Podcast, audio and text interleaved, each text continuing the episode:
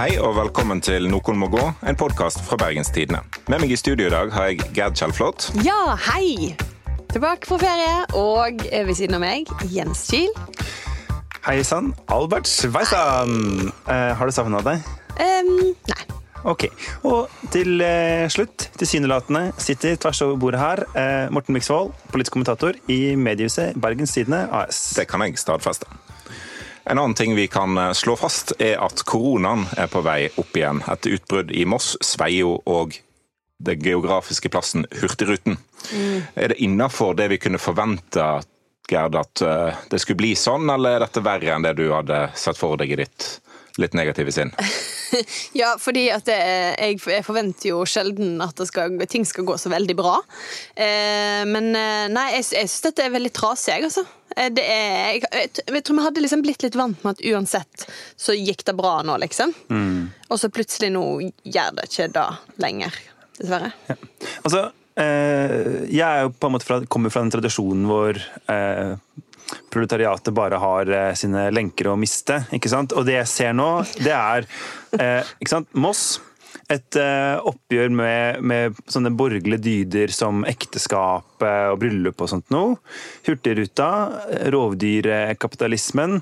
Altså Nå faller det liksom ett etter ett av alle disse eh, institusjonene og symbolene som eh, kapitalismen omgir seg med. Utenlandsreisene til folk i Sveio, er det liksom overklassens Ja, ja, det er garantert eh, overgrep mot eh, overklassen. Altså ja. skravleklassen i Sveio som er ute og flotter seg i Provence og sånn. Eh, ja. Så nei, jeg er egentlig happy, for det betyr at revolusjonen kommer eh, nærmere. Ja. Jeg er mer forbanna, fordi at det, det, det, burde jo ikke være så vanskelig egentlig å holde uh, smitten nede. Vi klarte det gjennom hele uh, våren egentlig, og mhm. klarte det gjennom deler av sommeren. og så Én ting er liksom de som reiser ut og har fått grønt lys av, av, staten til å reise på en ferie og komme tilbake igjen med en gang staten ber om det. Men så er det jo disse som uh, sender ut cruiseskip Altså, jeg jeg syns det er ubehagelig å ta Bybanen eh, noen få kilometer, fordi det, det er folk innenfor rekkevidde. Og det er jo Sånn er det jo til vanlig òg, men spesielt under koronaen. Eh, så det å sette seg på et skip som skal være vekke i, et, i ei uke, mm -hmm. med masse folk, der smitten bare kan eh, drive og Hoppe rundt fra den ene til den andre. Ja, ja nei, det er ugreit. Ja. Ja. Men det er jo Forstår Jeg syns eh, altså, Det der med at vi har Hurtigrute er jo ikke et lite selskap, sant? det er en milliardkonsern. Mm, og så ser du at når de først gjør en feil, ikke en liten feil, en kjempefeil, så har de gått på det samme elendige PR-kurset som alle andre og sier sånn Jeg tar fullt ansvar som øverste leder, og eh, dette er en utrolig viktig sak å følge opp, og vi ønsker å vise full åpenhet.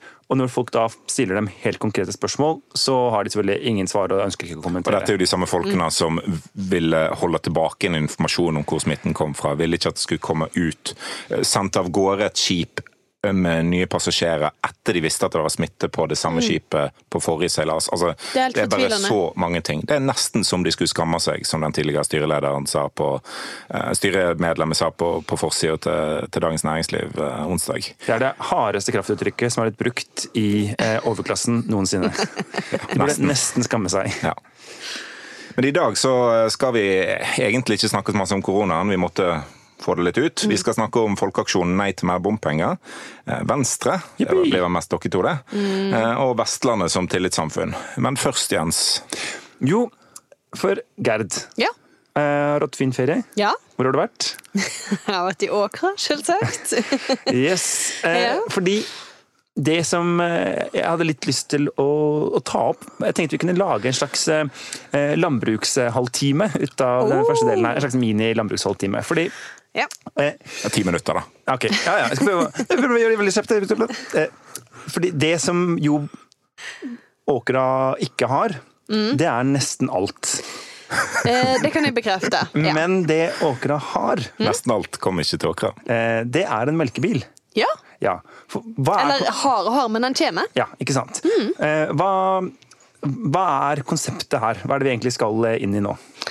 Eh, det vi skal inn i nå, er jo eh, å snakke om eh, Hva skal jeg si? Og det er, det er veldig komplisert. Vi skal egentlig bare snakke om eh, La oss begynne med melkebilen. Ja, la oss begynne med melkebilen. Om melkebøndene, eh, som det er to igjen av, på en måte. Eller to leverandører igjen av i Åkra. Ja.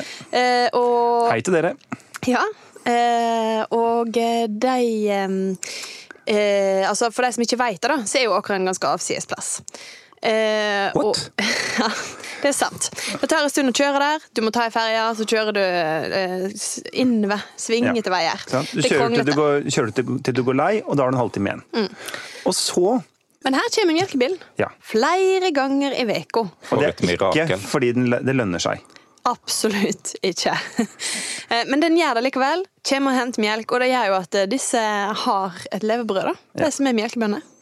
Og det gjør jo at, eh, det, at Norge produserer melk. Ja. Fordi på en måte nesten alle plasser hvor melkebilen er, så lønner det seg jo ikke. Og kjører dit, nei. Eh, Og summen av det er jo at vi har melk i kartongen. Ja. Eh, Og det er dette som vel heter leveringsplikta på fint. Mm. Eh, Og som er det at Tine Ikke det er mottaksplikt, egentlig. Jo, Ja. mottaksplikt, mener jeg. For leveringsplikten skal vi komme inn på. Ja. Den er ganske fin. Ja, men eh, mottaksplikt mener jeg. Og det er det som gjør at eh, Tine, ved å ha den rollen den har i samfunnet, må plikte å ta imot Ja. melk fra alle melkebønder over hele landet. Mm. For denne melkebilen, det er Tine sin melkebil Ja. som kommer. Men eh, så er jo da ikke lenger Tine aleine om å produsere meieriprodukter i Norge. Å oh, nei. Så trist at eh, flere kan lage noe av melk som melkebøndene produserer. Men hva, for, for det, det er egentlig det som er spørsmålet her. Vi har en konkurranse på et vis på en del eh, meieriprodukter. Og en ting er på en måte de, de små produsentene. altså at Vi kan reise rundt på Vestlandet og få kjøpt en brunost fra et gårdsysteri. Men vi har jo fått da etter hvert en del større aktører, som Synnøve Finden og ikke minst eh, Kumeieriene, som er eid av Kavli, som jo er her fra byen. Ja. Og spørsmålet er er dette eh, gull eller tull? Gull. Det er gull. Altså, Ja. det, som er, det som er bra med denne ordningen, syns jeg, er at Eller det, det er mange problemer med denne ordningen, men uh, Tine er et selskap som henter eh, melk fra alle plasser. De har, de har plikt til å gjøre det, men de har òg en veldig privilegert posisjon i Norge. De er markedsregulator i tillegg til å være dominerende aktør. Det er det få andre bransjer som, som har noe lignende. Altså, En hadde aldri akseptert at eh, SAS skulle være markedsregulator for flybransjen, eh, i dagens samfunn i hvert fall, eh, og at Norwegian måtte på en måte innrette seg etter SAS. Eh, Der er det en friere konkurranse. Det som er bra med den modellen, er at det tillater andre selskaper å bruke melket som Tine ikke klarer å bruke opp, sånn at melkebilen kan komme til Åkra. Eh, Og det, den melken blir faktisk brukt. Eh, For Kjøper du kumeieriene melk i butikken, så kan det være melke fra Åkra som Tine henter. Fordi de har leveringsplikt til, eh, til andre meieri. De Kumeieriene f.eks. kjøper jo millioner av liter fra, fra Tine eh, årlig. eh, Sånn at de kan produsere varene sine. Fordi de har noen egne gårder sjøl som, som de henter fra, men, men på langt nær så, så stort som, som Tine. Og Det gir jo at du får liksom, innovasjon i bransjen, sjøl om man er ganske rigid styrt. Eh, Du får nye produkter. Og du får kanskje kontra den kraftige reduksjonen i melkeforbruk som vi har sett i Norge. For hvis den produksjonsfallet, eller konsumfallet fortsetter, så hjelper det ikke at melkebilen har plikt til å kjøre til Åkra hvis prisen de får er så lav at de slutter å produsere melk. Og det er det mange som har men- gjort de men- siste ti men årene. Hvis jeg går og kjøper en yoghurt fra kumeieriene i butikken Ja. nå, så er den antageligvis produsert i Tyskland. Ja. Eh, og det tror jeg veldig få forbrukere veit. Og så vet jeg ikke om alle bryr seg om dette sånn som på en måte jeg gjør, men, men altså Men er Tine en garanti for norsk produksjon?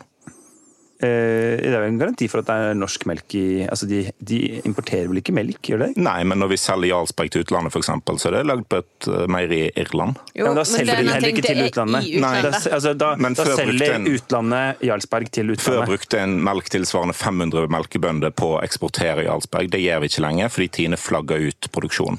Eh, ja. sant? Eh, men, men, det, men spørsmålet var, hvis jeg går i en norsk butikk. Ja. Jeg kjøper det jeg tror er et norsk produkt, og så viser det seg at det er tyske bønder.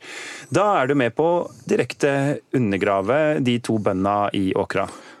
Ja, men, men, hvis du òg kutter ut uh, kumeieriene, så undergraver du òg de bøndene ved at de kanskje ikke uh, har særlig melk å selge.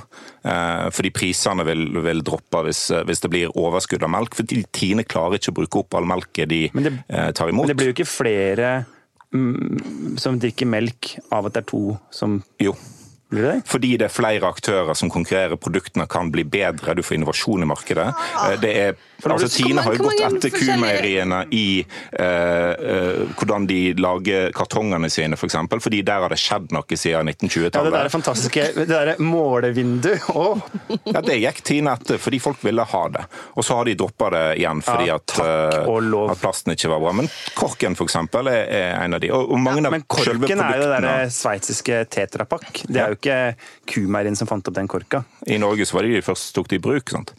Uh, Poenget er at uh, forbruket av, av, melk faller i Norge, og det vil falle fortere hvis det bare er én aktør som ikke er særlig innovativ, som skal uh, dominere markedet.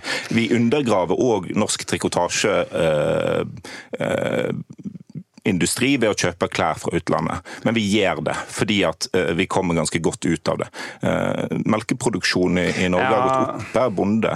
Men vi, altså, konseptet med norsk trikotasjeindustri, som er et ord jeg har brukt litt lite, kjenner jeg, det lå litt tungt på tunga, uh, er jo at vi ikke direkte undergraver alle de norske bomullsbøndene og alle ungene som løper rundt på bomullsmarkene, fordi det ikke fins.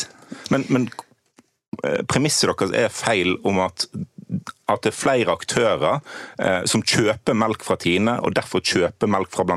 Åkra, at det undergraver markedet, er jo feil. For de kjøper jo melk derfra. Og så kjøper de noe eh, fra utlandet òg, og bruker noen utenlandskprodusert melk. Og det, det, må gå greit. Tine òg bruker masse utenlandsk melk i si merkevare, når de f.eks. selger Jarlsberg til utlandet. Men det som i hvert fall er ganske viktig å vite om, da, for det som ofte blir, er på en måte at Tine blir framstilt som den store monopolistaktøren som du òg framstiller det som. Som de er. Men, men de, de tar, har også en rolle som de andre meieriene ikke har, og som aldri kommer fram. Fordi at det som de vil ha. Som det framstår eh, Ja, men som de også må ha. Eh, det er jo ingen andre valg. Eh, det framstår på en måte som om kumeieriene, som er eid av disse stakkars små kavler, eh, er på en måte et lite sånn herre eh, David mot Goliat i en kamp her. Det er de jo ikke. og de skummer ikke... fløyten, hvis oi, oi, oi. det er lov å si. Men en kan jo si at eh, Televerket måtte være sånn som det var. En kunne ikke se for seg at en skulle splitte opp Televerket. En måtte ha dominerende aktør og markedsregulator i ett. Men Telenor har jo klart seg rimelig greit uten å være markedsregulator. En kunne ha opprettholdt leverings- eh, eller mottaksplikten ved at et mer statlige selskap henta melket og solgte det til uh, private, hvis det var en politikk uh, en ville føre om, om, å ha melkegårder overalt, som er en god ting å ha. Og så kunne Tine vært et, et selskap som konkurrerte på, på, lik linje med andre. Og de ville hatt noen enorme fordeler i og med at de er eid av de bøndene som de henter melk fra. Mm. Så De ville hatt en stor fordel i en sånn konkurranse. Det må ikke være sånn at bare fordi du er størst, så skal du òg regulere markedet. Men jeg takker jo på en måte altså, Da ville Ride gjort det bra altså, hvis ikke Telenor blitt, Bergen. Hvis ikke Telenor hadde blitt eh, frislept, så hadde de jo aldri hatt muligheten til å tjene de gode penger på korrupsjon i Sentral-Asia. Det, det hadde de sikkert klart uansett. Statoil og andre. Og Det er jo en utrolig gledelig utvikling at, at, vi kan være med i Norge og få vår del av den internasjonale korrupsjonskaka.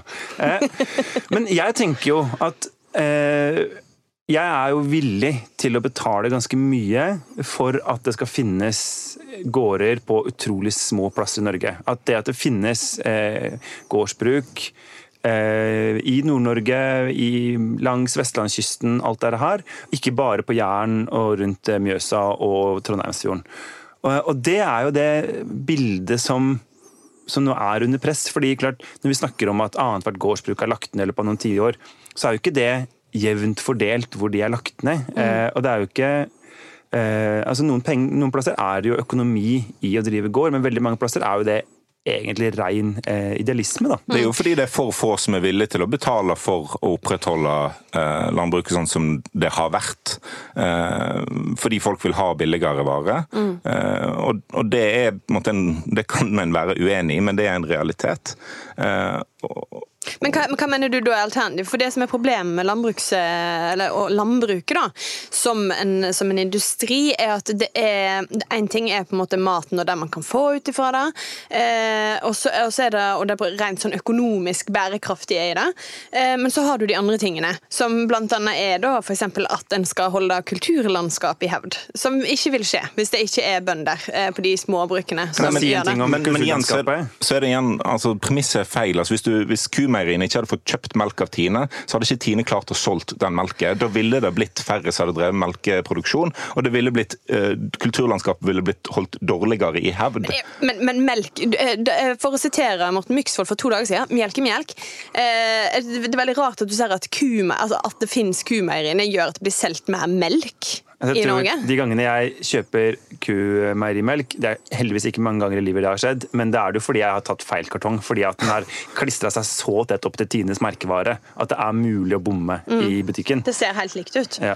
Ja. Men eh, og så er det, kan jeg bare si en siste ting, vi må sikkert gå inn for landing eh, her. Og det er jo det at eh, av alle argument for norsk landbruk så er det ett jeg virkelig driter i, og det er å holde kulturlandskapet i hevd. Ja, For du vil bare at det skal gro til? Nei, motsatt. Jeg vil jo at det skal være drift på gårdene. Ikke for at det skal være fint for meg når jeg kjører rundt på Vestlandet. Men det kan jo aldri være drift på gårdene hvis, hvis, hvis en gård blir er uten drift i tre-fire år, og kulturlandskapet ikke blir holdt i hevd når den gården er ute av drift i tre-fire år, så er det nesten umulig å starte opp igjen driften. Mm. Derfor er det å holde kulturlandskapet i hevd viktig. Det er ikke for at, at argumentet... Torgeir Meggen skal komme og se på fine ting mens han står i kø for å, å Nei, kjøpe dårlig mat. Ofte at argumentet blir brukt med slags sånn derre eh, sam samfunnets mm. anleggsgartnere, liksom. Og ja. ikke som et spørsmål om faktisk eh, drift og næring. Men det er en forutsetning for faktisk drift og næring. det henger eh, helt, helt tett sammen. Og så handler det også om at vi skal ha mat da, her i dette landet som vi produserer sjøl. Og hvis en skal bruke vestlandsbygdene til noe som helst, så er det vel egentlig Altså, det er beite. Det er ingenting annet du kan gjøre med disse bratte liene. Ja, det er beite eller Ex on the Beach-deltakere. og vi må ha mindre av det siste. Ja, og kanskje mer av det første. Ja.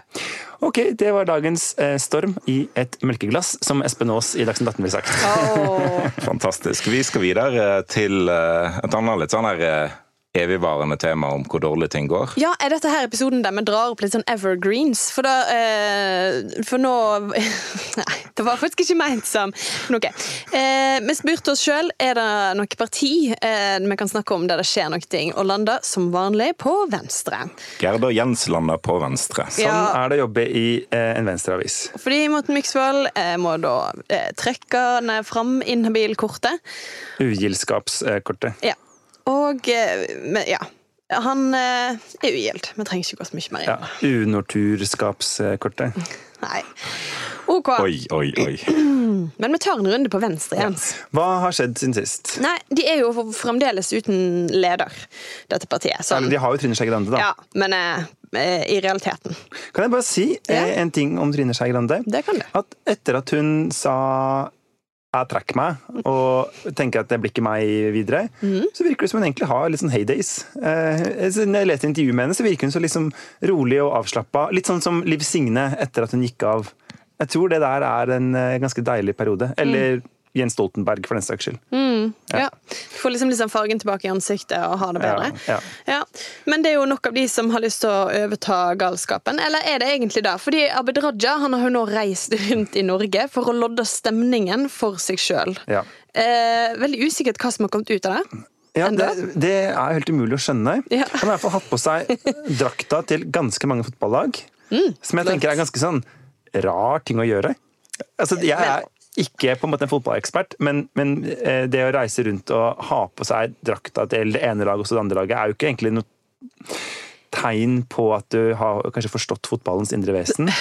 Eh, Nei, men, men så er jo spørsmålet eh, Kan valgkomiteen ende opp med å velge en annen lederkandidat å innstille til landsmøtet mm. enn den ene som har sagt han er villig? Vil. Ja. Ja.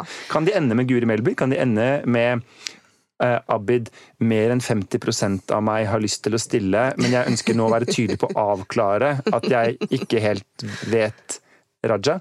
Ja. Eh, eller kanskje jokeren, Iselin Nybø. Altså, hvem veit? Eh, dette er Venstre. Men han eh, er jo da, Sveinung Rotevatn er jo da den eneste som har meldt seg så langt. Ja. Men han har jo et megastort problem, for han er fra Sogn og Fjordane. Det, kan, det er ikke lov å si, eh, Gerd. Men det er et megastort problem hvis du er venstremann. Fordi Fordi Sogn og Fjordane har bare fire representanter på dette stortinget. Eh, og eh, tre av de er bestemt omtrent hvem den går til. Og det fjerde er et utjevningsmandat, et såkalt wildcard.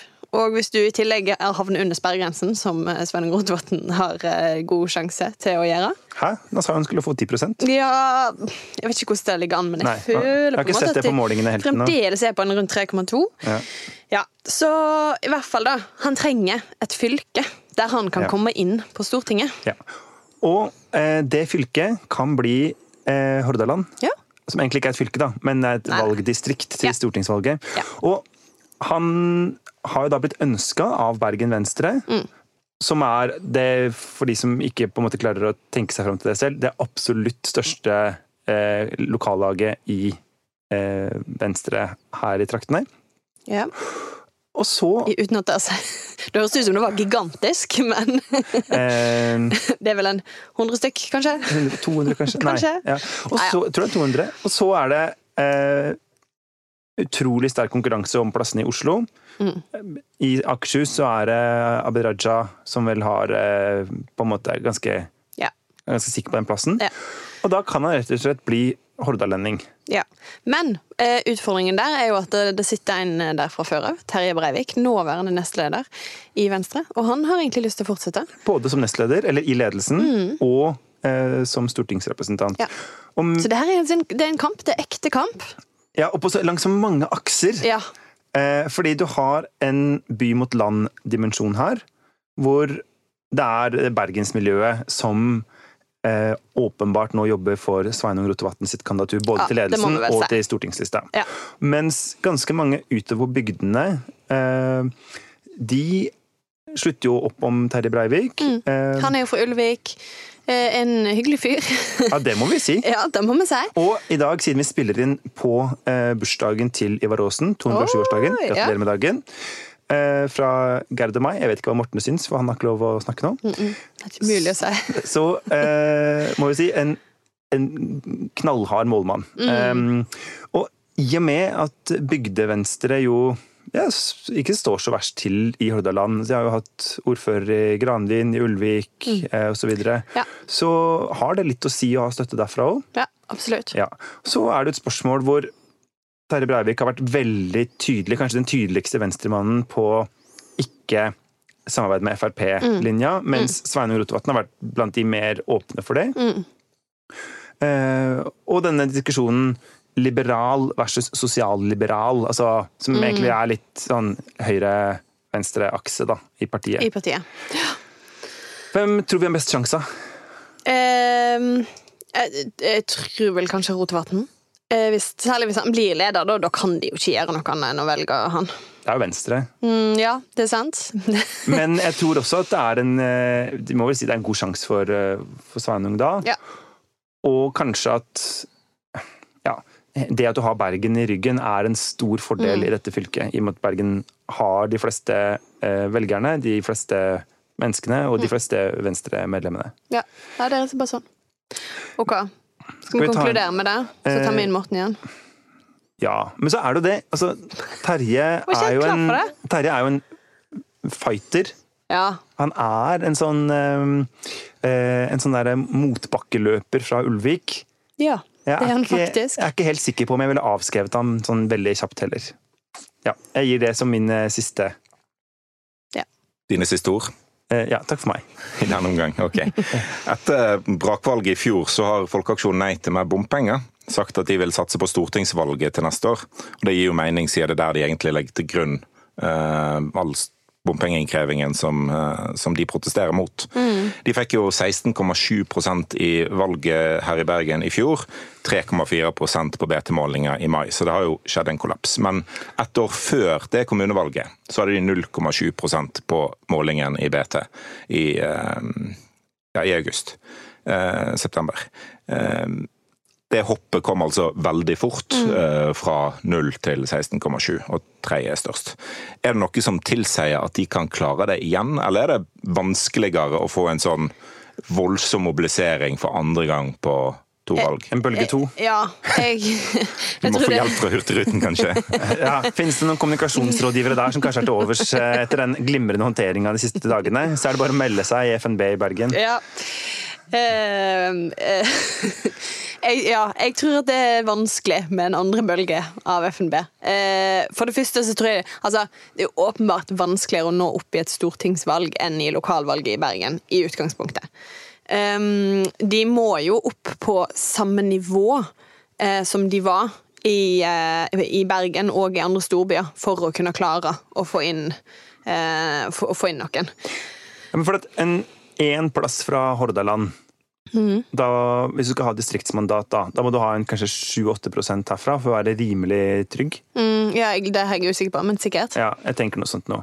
og det er vel det de omtrent fikk i fylkestingsvalget. Ja. ja. De nærmer seg, altså. Og etter, etter, det har de jo selvfølgelig falt kraftig. Ja. Men uh, spørsmålet om de kan komme seg opp igjen. Så er du da avhengig av at, av at uh, de har en sak som gjør at de, at de, blir så relevante igjen. Og det er jo bare én sak som kan gjøre de så relevante igjen, og det er bompenger.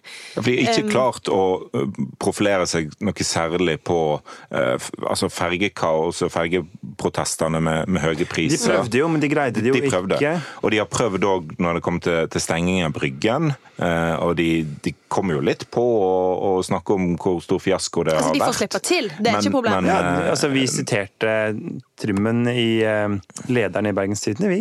Ja da, men, men, det har liksom ikke ført så mye med seg, tror jeg. Eh, Bli sitert til lederen i Bergens Tidende. Tror, ja. tror, du da at noens lykke er gjort? Nei, men det var jo den derre Jeg tenkte vi, vi, vi opplever jo at vi tar de på alvor som et sånt vanlig ja, parti nå. Absolutt. Ja, absolutt. De har absolutt. vært i, masse i avisen. Ja. Eh, det er ikke det som eh, kan være problemet. Nei. De har en tydelig stemme. Det er bare som at folk der ute hører den ikke lenger. Ja. Eh, de er ikke, klar, de er ikke Nei. mottagelige lenger på samme måten. Nei. Jeg tror at det som kanskje kan bli eh, den store saken, da, det er jo hvis det nå drar seg til noe skikkelig med Hordfast og ferjefri E39. Altså for nå kom det jo, eller De tallene som nå Vegvesenet pusler med, tilsier jo at ferjefri E39, altså Kristiansand til Trondheim, hvis man av en eller annen grunn velger å kjøre kysten og ikke via Oslo og Gudbrandsdalen, eh, skal ha et såkalt bompengegrunnlag på 101 milliarder og koste 380 28. Hmm? 328, var ikke det? 382. 382. Ja, ja. ja, ja. Potet og potato. Iran, Irak. Ehm, eh, til sammen. Og hvis det blir den store kampsaken, og det er mulig for dem å finne en vei inn i den diskusjonen, så tror jeg kanskje de har en sjanse, fordi det er nok av folk langs den aksen som rett og slett mener at eh, de betaler nok som det er, da. Mm. Ja. Det er sant. Men så tror jeg òg at um, fordelen med å være et helt nytt parti, eh, og som var veldig, et, et, veldig sterkt argument hos mange av de som sa de ville stemme eh, FNB, handler jo rett og slett om at ah, de andre er så galne, de har aldri fått til noe likevel. Vi har ingenting å tape på å prøve dette nye. Ja. Og nå er de ikke lenger nye. De har også nå en historie som de må forsvare og, og vise til. De har ikke hatt makt, da. Nei, og det har de ikke. Altså, men de altså, ble og store er, og har ikke fått kutta bompengene. og det er fullstendig altså, de, Dette prøver de jo òg å forklare til sine velgere, og, og de har helt rett. Det er, helt, det, det er ikke deres feil at de ikke får til ting. De men, har ikke flertall. Men nå møter jo da Trym Aafløy og FNB de problemene som Arbeiderpartiet, og Høyre og Frp har møtt tidligere, med at en, en, en, prøver å få ting til. Det er ikke alltid en klarer det. Og det er ikke velgerne, i hvert fall til FNB, så veldig lydhøre for. det. Det, det, var jo en slags desillusjon eh, eh, blant mange av disse velgerne, tror jeg. Det ja. var desillusjonerte. Ja, det må vi kunne si. Eh, det må vi kunne si. Og det er, det er vanskelig, da. Og, um, det er desillusjonert over tid? Eh, ja, eller da blir det fort desillusjon... Nei. Herregud, tenk å ha to bønder med i podkasten. Det er et Nei. enkelt fremmedord. Ja. Desillusjonert. Ja. Det blir fort da igjen, da. På tide med ferie. ok. Nei, skal vi gå videre? Ja, Men jeg tror eh, ja, Og kanskje den andre saken er jo hvis dette på et eller annet vis blir et Ikke et miljøvalg, for det er ikke sånn de, de er jo ikke egentlig mot miljø på den måten. Altså, de er jo f.eks. mot naturraseringene med Hordfast, men hvis de blir et mer sånn MDG-valg. Altså sånn som det har vært litt i Oslo, hvor det blir sånn for eller mot MDG. For MDG tjente jo på FNB-bølga i, Ja, i lokalvalget, fordi de var den tydeligste motstemma og kunne tjene litt på en motreaksjon. Ja, altså eh, Da Tor Håkon Bakke, som nå er miljø- og byutviklingsbyråd for MDG, hadde der klem en bomring-greiene Ja. eh, altså det, på en måte, det var jo to ganske harde motpoler. Ja. En gøyal eh, valgkamp, vil Det er si. vanskelig å stå mellom de eh, utsagnene og få særlig eh, gehør, da. Ja. Det er det.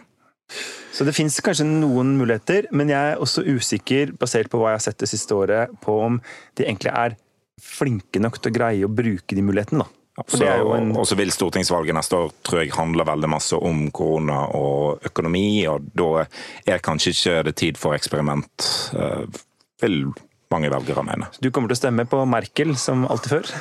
Er eksperimentet? Godt valg. Ok. Før vi avslutter i dag, så skal vi eh, innom vår faste spalte og Vestland.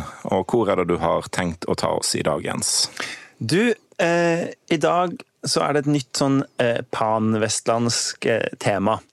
Men kanskje mest ut på bygdene.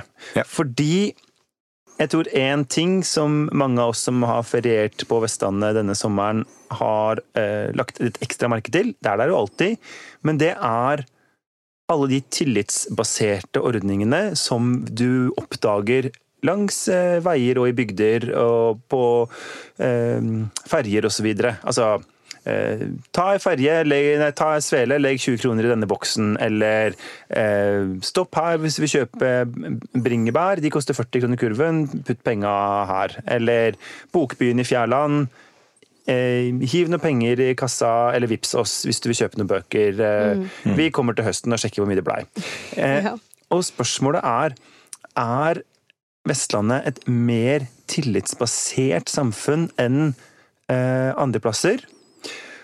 Eh, eller er det egentlig sånn, fordi vestlendingen har jo det andre i seg også, nemlig å stå bak gardina og skule på naboen, at vestlendingen egentlig nærer en dyp skepsis til alle omkring. Eh, Jeg kan starte med å spørre deg, Myx. Hvordan eh, tenker du at du er et menneske som har eh, litt ekstra med tillit til andre? Ja, altså det, det varierer jo. Jeg En, en må jo se folk an, tenker jeg. Eh, Har du mer tillit til Gerd som er vestlending, enn til meg som er østlending? Definitivt. Ja. Det handler bare om verdier.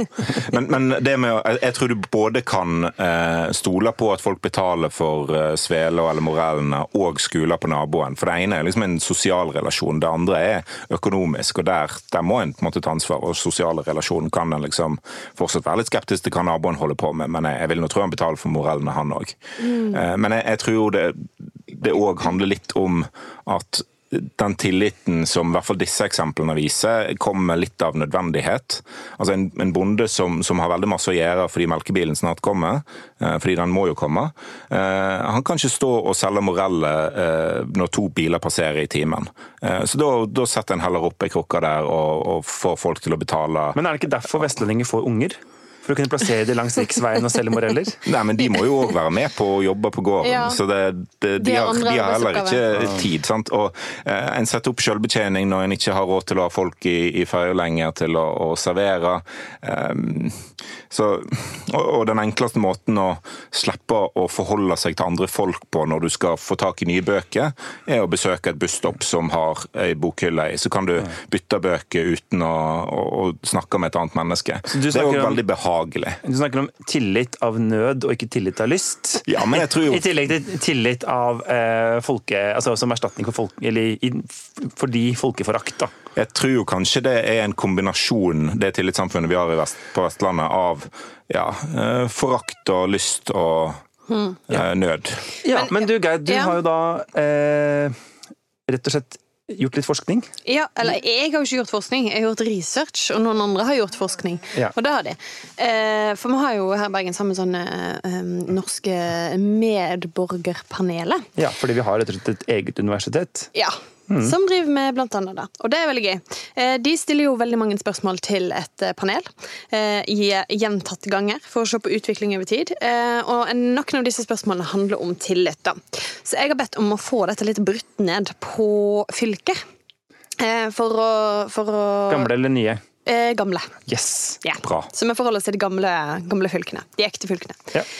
Um, eh, og det som er, er at uh, Dere kan få tippe. Hva er, spørsmålet de har blitt stilt, er da er, Ser de på seg sjøl som generelt tillitsfulle?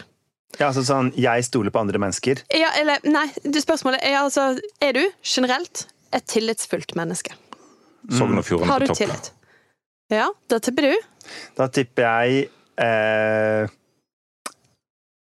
ah, Telemark. Sånn, liksom Bård Hoksrud går gjennom livet og stoler på andre folk. Ja, han stoler på andre folk. Det har du helt rett i. Skal jeg bare se. Ja, nei uh, Morten har rett. Det er selvsagt Sogn og Fjordane. De er på topp i alt, basically, som er sånn koselig og trivelig. Der er Sogn og Fjordane på topp. Fruktbarhet og sånn. Skoleresultater. Ja. Nynorsk. Tillit. Ja. Eh, Hva skulle du gjort å slå sammen med de? Nei, vi ødelegger jo egentlig statistikken Ja. Ja. Det er bare det. Det kommer bare å herpe Sogn og Hvordan gjorde Hordaland det der? Det blir kanskje litt ødelagt av Bergen. Eh, ja, nei, ikke, de, de gjør det eh, litt grann, De er litt eh, mindre tillitsfulle, men eh, fortsatt i øvre sjiktet, vil jeg si. Men Ja. faktisk akkurat litt mindre enn Oslo. Ja. Oslo-borgere ser på seg selv som mer tillitsfulle enn den jevne Ja. Men, det, er jo Men er det manglende sjølinnsikt, eller? Umulig å si. ja, nei, for jeg, jeg har jo veldig høy tillit til andre mennesker. Ja. Og da har jeg alltid tenkt at det, det er fordi du er bitte litt dum. Men av og til så kan du jeg vil si naiv, da. Ja, ja, ja. men av og til kan du ha høy tillit til folk, og det vil være det lure. Og av og til kan du ha høy tillit til folk, og det vil være dumt. Så det kan jo hende at Sogn og Fjordingen, som eh, har høy tillit til folk, gjør det fordi det er lurt, mens folk i Oslo har relativt høy tillit til folk, men burde ikke hatt det. Det er en Ja. teori. Jo, men, men det som er jo Den andre sida av det som er litt spennende, er jo dette med at eh, Oslo er mye forskjellig, men også en storby. Og jeg ville jo tenkt at folk har mindre tillit til hverandre i en storby. Altså, Den blokka jeg bor i i Bergen, ingen som hilser på hverandre i oppgangen omtrent. Nei. Ikke sant? Mens på bygda så hilser jo alle på alle. Ja. Og det, det får du da altså egentlig ikke ut av de tallene her, da. Nei. Eh, det, ja, dette er bare et kjapt eh, Ja, vi, vi kunne gått mer inn i dette, men vi er litt overflatiske nå. Men jeg Det har er litt, til nærme. researchen din, Ja, altså. Dette er som eh, nærmest vi kommer grunnforskning i denne poden. Beklager at det ikke har mer å komme med. Men det, det som er nest mest tillitsfulle, det er østfoldingene. Ja. Men de er jo på en måte eh, som Telemark. Ja, Som ja. mennesker. For Hoksrud kunne kommet fra Østfold. Han kunne definitivt komme fra Østfold. Det hadde ikke gjort noe. Jeg ser det. Ser det klart og tydelig. Minst tillitsfulle, da. Finnmarkinger. Nei, men du er ikke så langt ifra. Troms, eh, tromsværinger. Du er god i geografi, Jens. Du er ikke så langt Hva som er nærmt Finnmark? Nå skal dere Russland! Nå skal du holde den lille eh, guttemunnen din pent lukka. Men det er faktisk mm, Troms, Nordland og Finnmark i den rekkefølgen. Ja. Som er de minst tillitsfulle. Det er så stor avstand, vet du, så de treffer jo aldri andre folk. Så de, har aldri, de får ikke øvd opp tilliten. Men for det, for jeg tenkte Eller de får sånn ikke brutt den ned. Altså, det kan jo hende du starter på et normalnivå, så Mm. synker du òg. For jeg tenkte først når jeg så dette, eller bare så at Sogn og Fjordane var på topp, så tenkte jeg ja, sant, det er bare bygd i Sogn og Fjordane. Alt er bygd. Så det er liksom lett å stole på naboen, fordi du kjenner jo han, mor hans og eh, ja, alle bestemødrene. Um, og, uh, men, men da gjør du jo i Nord-Norge òg. Det er jo mye bygd der òg. Men når hele Nord-Norge da ligger ganske lavt på tillit, syns det var interessant. Um, ja, Og det er rett og slett sånn at man kan virkelig se at det er signifikant forskjell på Troms og Sogn og Fjordane. De er signifikant mindre På dette òg. tillitsfulle. Ja. Det er jo utrolig interessant. Ja, litt. Men og hva er det annet eh, Troms, eh, Nordland og Finnmark har litt av? Nynorsk. Guds eget mål. Mm. Jeg bare spiller det inn. Hvis dere på en måte Fordi får du bare litt tror alltid at det spiller inn i, i alle sammenhenger i verden. Nynorsk. Ja, ja det, jeg bare em, Jeg ser bare at de to tingene opererer samtidig, da. Det er tilsynelatende sånn. Ja. Ja. Ok, men jeg vet ikke om Tilbake til dine anekdoter, da, på anekdotiske bevis på tillit. Så, så vet ikke jeg Altså, jeg tror det handler litt om at disse, disse plassene, morellbuene og alt sånt, eh, det er jo ekstremt lite mulighet for tap, på sett og vis, da. Der. Du har satt ut liksom ti moreller. Det er det meste du kan miste. på en måte. Og, og for fjordrein òg, så er det sånn, ja, noen betaler kanskje ikke for svela, men eh, de klarer seg, for det er dyrere å ha noen stående der. Ja. Men sånn som jeg snakka med en som eh, hadde et sånt saftskap stående i Hardanger. Eh, og hvor det jo er altså, turister fra hele verden Ja, som det er ganske kommer. mye forskjellig som reker forbi. Oi! Du, Torgrim Eggen, ro deg ned. Eh, og så, så sa han bare Jeg har hatt null svinn. Ja. Altså, det er ikke én eneste person som har henta seg en saftflaske og tenkt jeg har ikke råd, eller jeg har ikke med meg på en måte vips eller et eller annet sånt nå, og det går vel greit. Altså, Men det er jo en attraksjon. Eh, Det er jo, det er jo sikkert kjekkere for mange som ikke har sett det før som konsept, med selvbetjent uh, saftsalg i distriktet, og se det. Og da er det jo en del av ritualet, og du forstår liksom hvordan dette fungerer, at du skal betale for det. Ja, Og da blir det på en måte en attraksjon. ja. Men det er jo veldig gøy, for hadde du satt ut et gratis saftskap i Bergen sentrum Tror, tror du at noen hadde tatt saft derfra? ja, ja. Man kan jo Altså, jeg veit ikke. Så lenge vi kan få gratis eh, saft på trekroneren på veien fra byen, bare vi kjøper en pølse, så er jeg happy. Kan jeg bare få si at Det er en plass til man har et tillitsbasert samfunn, og det er her i BT. Eller, i, ja, for her står det en sånn sjokoladekasse her ute som du skal vippse for når du tør. Og hva har det vært her? Svinn. Så her er Det det, burde det vært vært utenlandsk lavere valuta i Ja. eh, Noen som har prøvd noen å har legge igjen. ja. Så det du prøver å si, er at uh, BT viser seg som ikke ekte vestlandsk. Her må vi skjerpe oss. Det er i hvert fall det er noen svin som jobber her. Ja. Noen sv- svinnsvin? Ja. Tror vi skal roe oss.